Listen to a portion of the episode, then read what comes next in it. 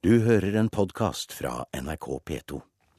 Ingen er foreløpig pågrepet etter kunsttyveriet i Vestlandske kunstindustrimuseum i Bergen natt til lørdag.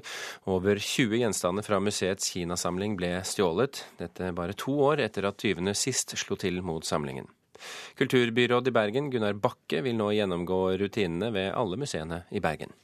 Denne saken blir nå etterforska av politiet. Så blir det nok eh, sikkert en diskusjon i, i etterkant eh, og en gjennomgang på sikkerhetssystemet ytterligere. Vi vil uansett for Bergen kommune og museet gjennomgå rutinene som er på å sikkerhetstiltak på alle museene for å se om, vi, om det er ting vi kan gjøre ytterligere bedre. Det ser kulturrådet i Bergen, Gunnar Bakke. Natt til lørdag brøt to tjuver seg inn i permanenten Vestlandske kunstindustrimuseum i Bergen.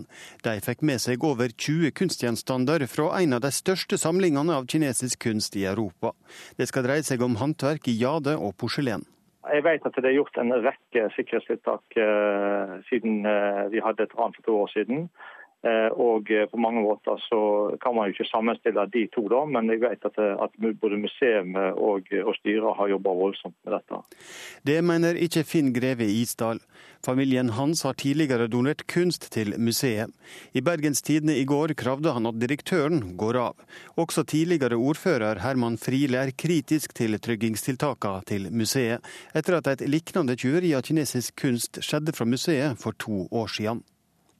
Ifølge Bergens Tidende er ikke ruten i glassveggen inn til kinasamlinga sikrere enn frontruta på en bil. Ifølge avisa tok det også 25 minutter fra alarmen gikk til politiet ble varsla. Direktør Erlend Høyersten avviser kritikken overfor avisa, men vil ikke si hvor mye det som er stålet er verdt, eller hva sikringstiltak som er gjort. Ethvert museum sikrer jo så godt de kan ut ifra den økonomiske situasjonen de har. Så Hvis man blir spurt i dette museet da, om de har gjort en bra nok jobb, så er det jo litt avhengig av hvilke ressurser de har hatt å, legge i sikkerhet, da, og eventuelt da hva de har villet legge i denne sikkerheten. Det sier tryggingsekspert Truls Erik Pettersen, som har jobba med museumssikring i Norge i snart 30 år. Han kjenner ikke til hva tiltak som ble gjort for to år siden, men mener innbruddet i helga viser at tiltakene til museet ikke er gode nok. Man må jo kunne trekke den konklusjonen, kanskje. Men som sagt, jeg vet ikke hvilket nivå man har lagt seg på etter det første tyveriet. Selv om tallet på innbrudd i norske museum har falt fra 67 i 1995 til 14 i 2010, ser han en tendens til mer profesjonelle tyver. Kulturbyråd Gunnar Bakke etterlyser større statlig satsing på sikkerhet for museum. Ja, altså Hvis dette er en samfunnsendring som, som får større konsekvenser for, for, nasjonale skatter, som jeg vil kalle dette, da, så blir det fort et nasjonalt anliggende hvor, hvor mye, mye, mer penger man skal gjøre, istedenfor at dette må takes over, over budsjetter i kommunene, som det strengt tatt ikke finnes rom for. Reporter her, det var Espen Alnes. Kulturkommentator her i Kulturnytt, Agnes Moxnes. Er sikkerheten ved norske museer statens ansvar, egentlig?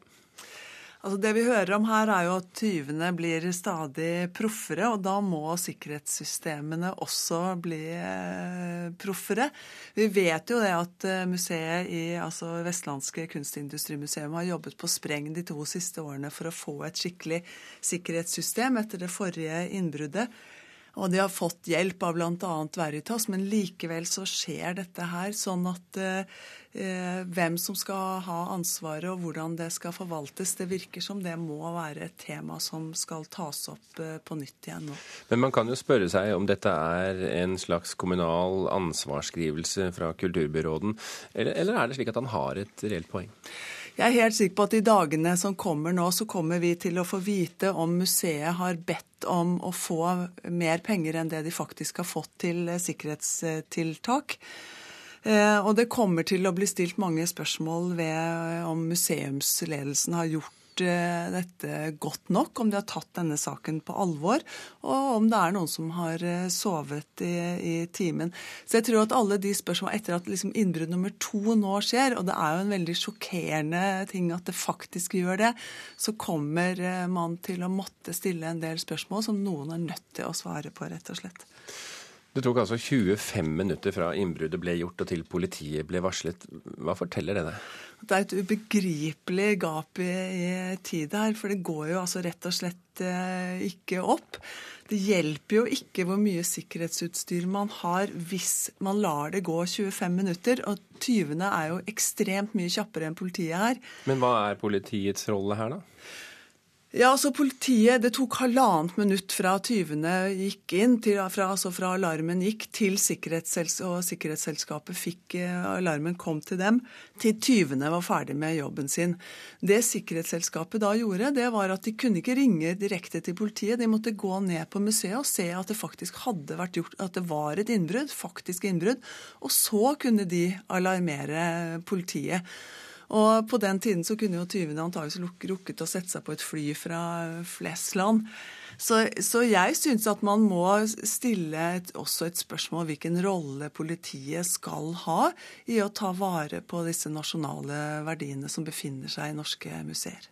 Men hvor mye bør man egentlig sikre en kunstutstilling?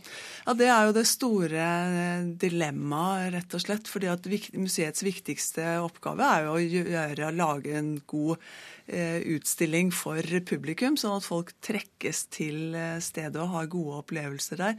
Det er jo mange som ser på Munch-museet nå som liksom det verste eksempelet som kan være. Der har de murt igjen vegger, murt igjen vinduer.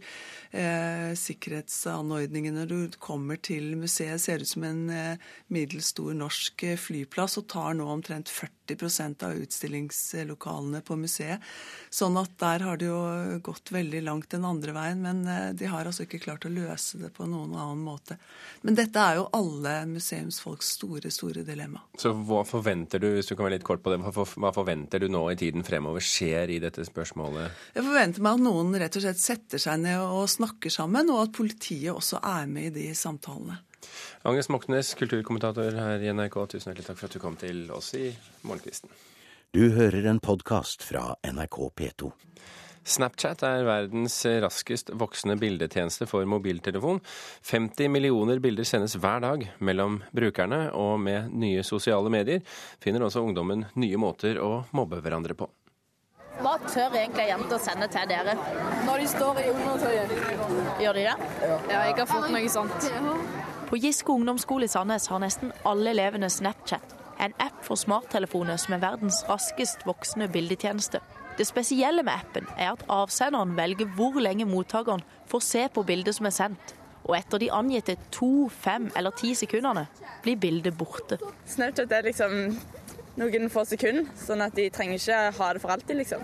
Hvorfor er det så viktig? Så de ikke sender bildet videre. Trond Hoel er rektor på Giske ungdomsskole. I motsetning til elevene kan han ikke fordra Snapchat. Jeg er ikke fan av Snapchat. Jeg er ikke det. Eh, det er unødvendig, og det skaper eh, en del uro for oss. Eh, det gjør det. Hoel kan fortelle at det har vært flere tilfeller der elever har mobbet andre elever via Snapchat. Men at det har vært vanskelig for skolen å avsløre mobbingen, fordi bildene forsvant. Det blir tatt bilde, det forsvinner etter tre sekunder, ti sekunder. Eh, og vi vil jo gjerne, og må jo ofte bevise at ting er blitt gjort. Og da kan det hende at vi står bom fast, for vi har ingenting å vise til. Har du noen gang fått et eh, litt mer sexy bilde på Snapchaten din? ja, faktisk. Ja, av jenter. Tror du det er noen jenter som sender bilde til deg på Snapchat som ikke de ville sendt eh, hvis det bildet fikk være der for alltid? Eh, ja, det tror jeg. Derfor pleier de som regel å la det være i ett eller to sekunder. På Universitetet i Stavanger sitter Arne Olav Nygaard. Han skriver doktorgrad om sosiale medier, og er ikke forundret over at Snapchat-brukerne utveksler nakenbilder. Det ansporer til en annen type bruk, og det tror nok jeg er grunnen til at vi ser at en del ungdommer publiserer nakenbilder av seg sjøl, f.eks. For Fordi at det blir oppfatta som litt mindre risikofylt. Det er i utgangspunktet ingen som skal kunne lagre disse bildene. her. Har du noe tro på at eh, bildene som blir tatt med Snapchat, virkelig forsvinner? Ja, noen av de gjør det. Jeg tror nok de fleste gjør det, vil jeg, vil jeg anta. Men så vet vi jo det at det er egentlig bare å og eh, en liten tastatursnarvei så har du lagra bildet via en skjermdump på, på mobiltelefonen. Og da er bildet på avveie. Når du fikk bilde av jente i undertøy, eh, tok du et uh, skjermdump av det bildet da? Nei.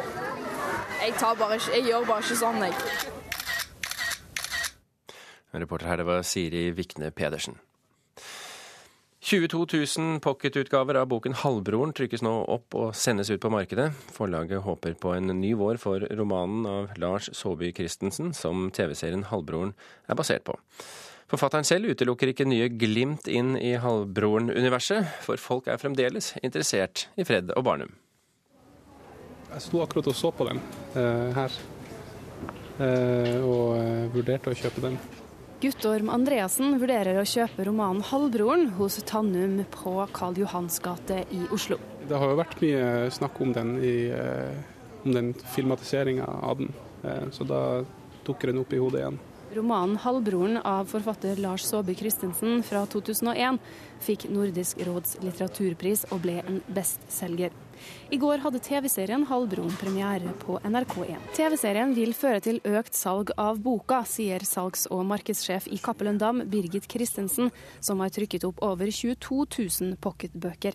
Så her ser du filmpocketen, som er hvor vi bruker filmplakaten. Halvbroren er en, er en kjent klassiker, men den må på en måte vekkes til live. Det vil serien være med på.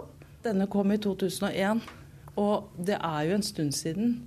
Og det, eh, det gjør jo både at det, at det, er lenge siden mange har lest den, og at det er kommet veldig mange mennesker til etterpå. Det er litt spesielt at det er eh, såpass lenge siden den kom ut, og nå blir serie. Eh, sånn at vi vil nå et nytt publikum. Helt sikkert. Ja, det er veldig hyggelig. Det, det, det har kommet en ny generasjon lesere i, i mellomtiden, vil jeg tro. Det sier forfatter Lars Saabye Christensen. TV-serien har fått gode anmeldelser og har blitt solgt til 13 land. Jeg er veldig fornøyd og imponert. For meg er det et kvalitetsstempel på serien som sådan, fordi de som har kjøpt den til utenlandske kanaler og TV-stasjoner, eh, ser den utelukkende som en dramaserie. De har ikke boken in mente.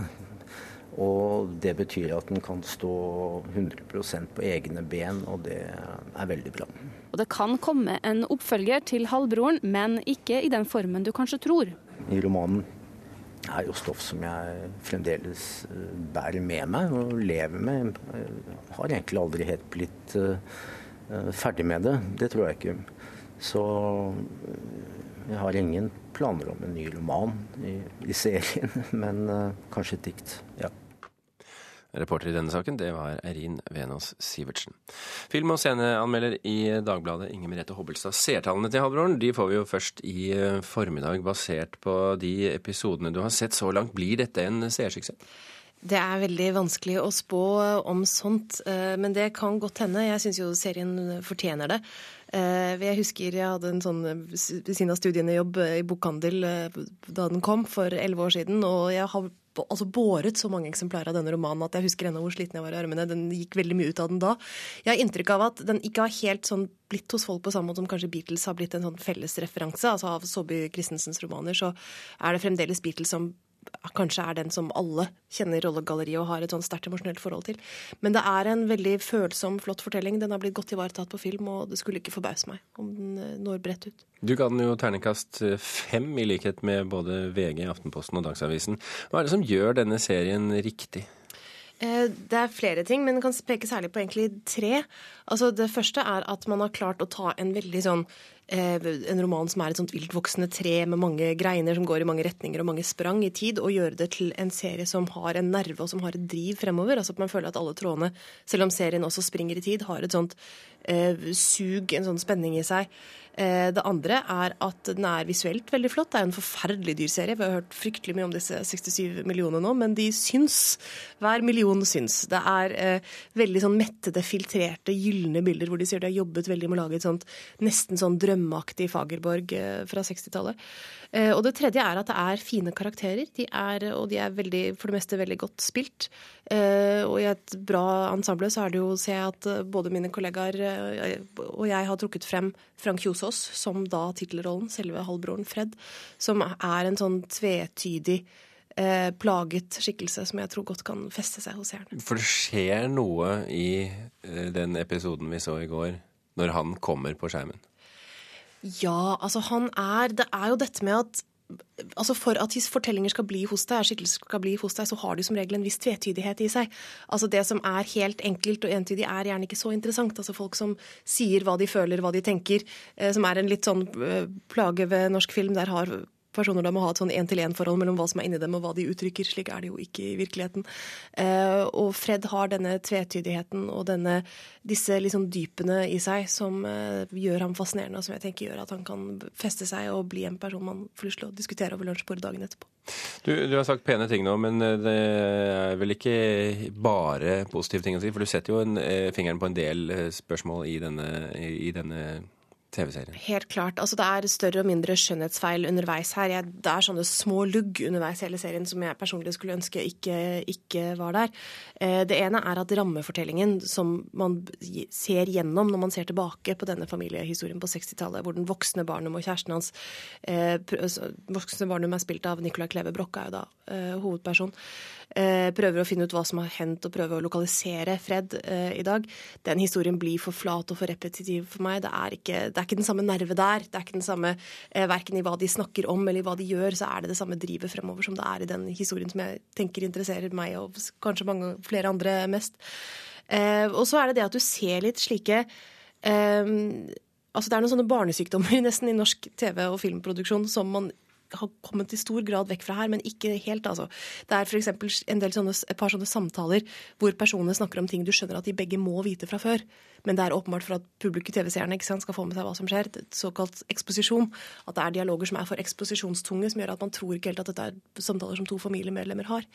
Eh, det andre er at jeg syns det er litt klisjéfylte valg i en del serier, en del scener.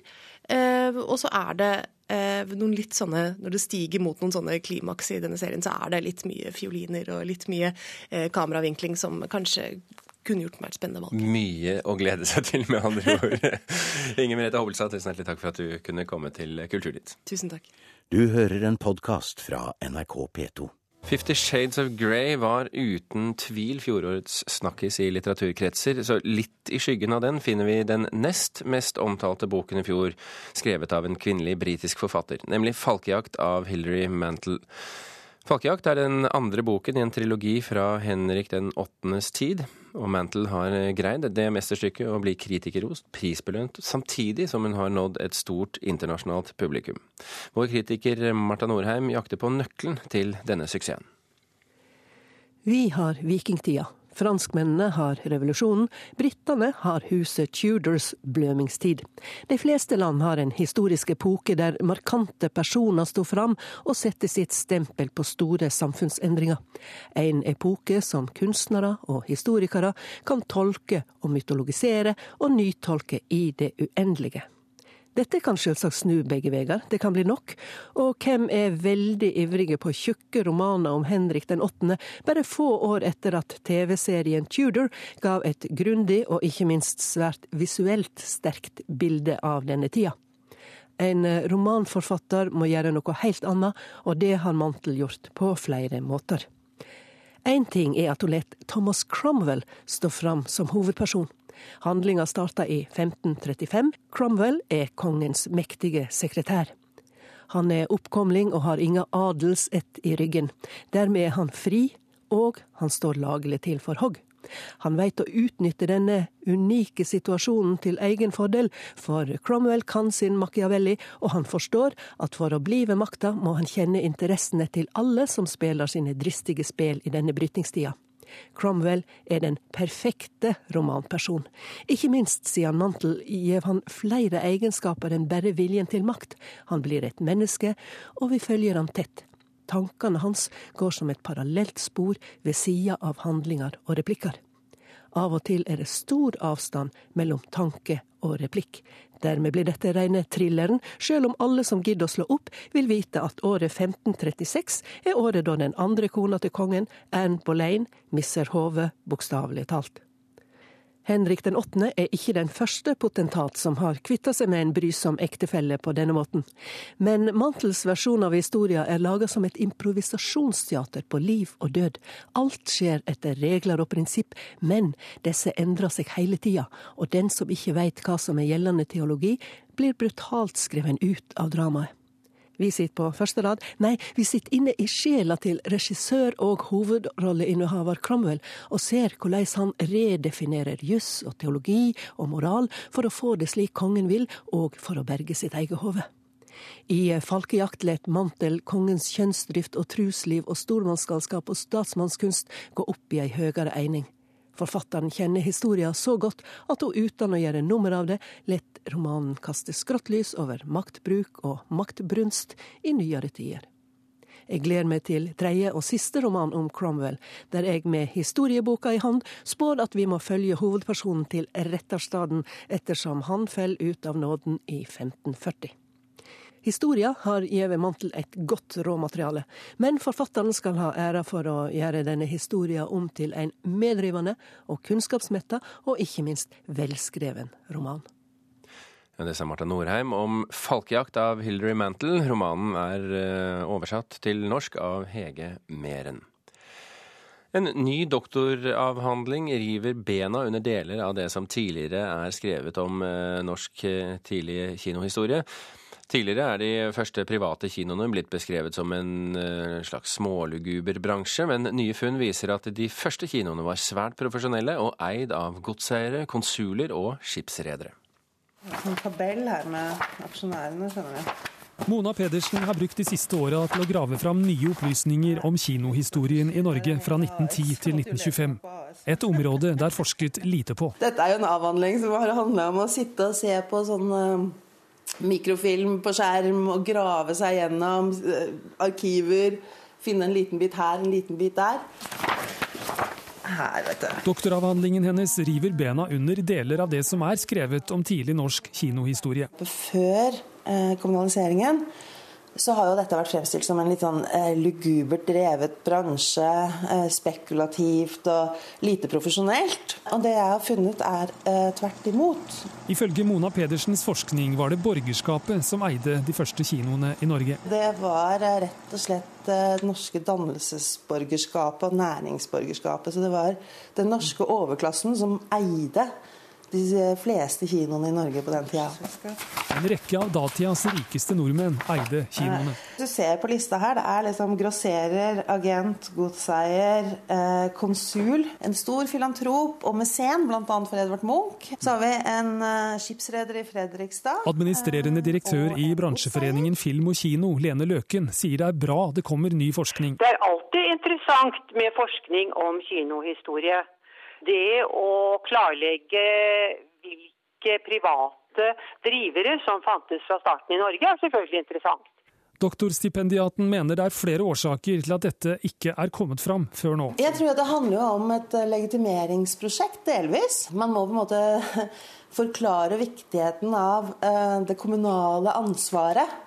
I den norske filmhistorieskrivningen så går det som en sånn linje da, at eh, kommunalt er ansvarlig, og privat er spekulativt. Fredag skal doktorgradsstipendiaten forsvare sin kinoavhandling ved NTNU i Trondheim. Jeg tror liksom jeg er rolig, men får sånn kviseutbrudd og munnsår og våkner av rare drømmer. Og så, så skjønner jeg at jeg er ikke helt, helt kul på. Det sa Mona Pedersen ved Høgskolen i Hedmark. Reporter det var Stein S. Eide.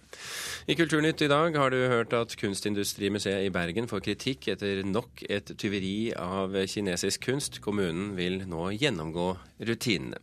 Du har hørt en podkast fra NRK P2.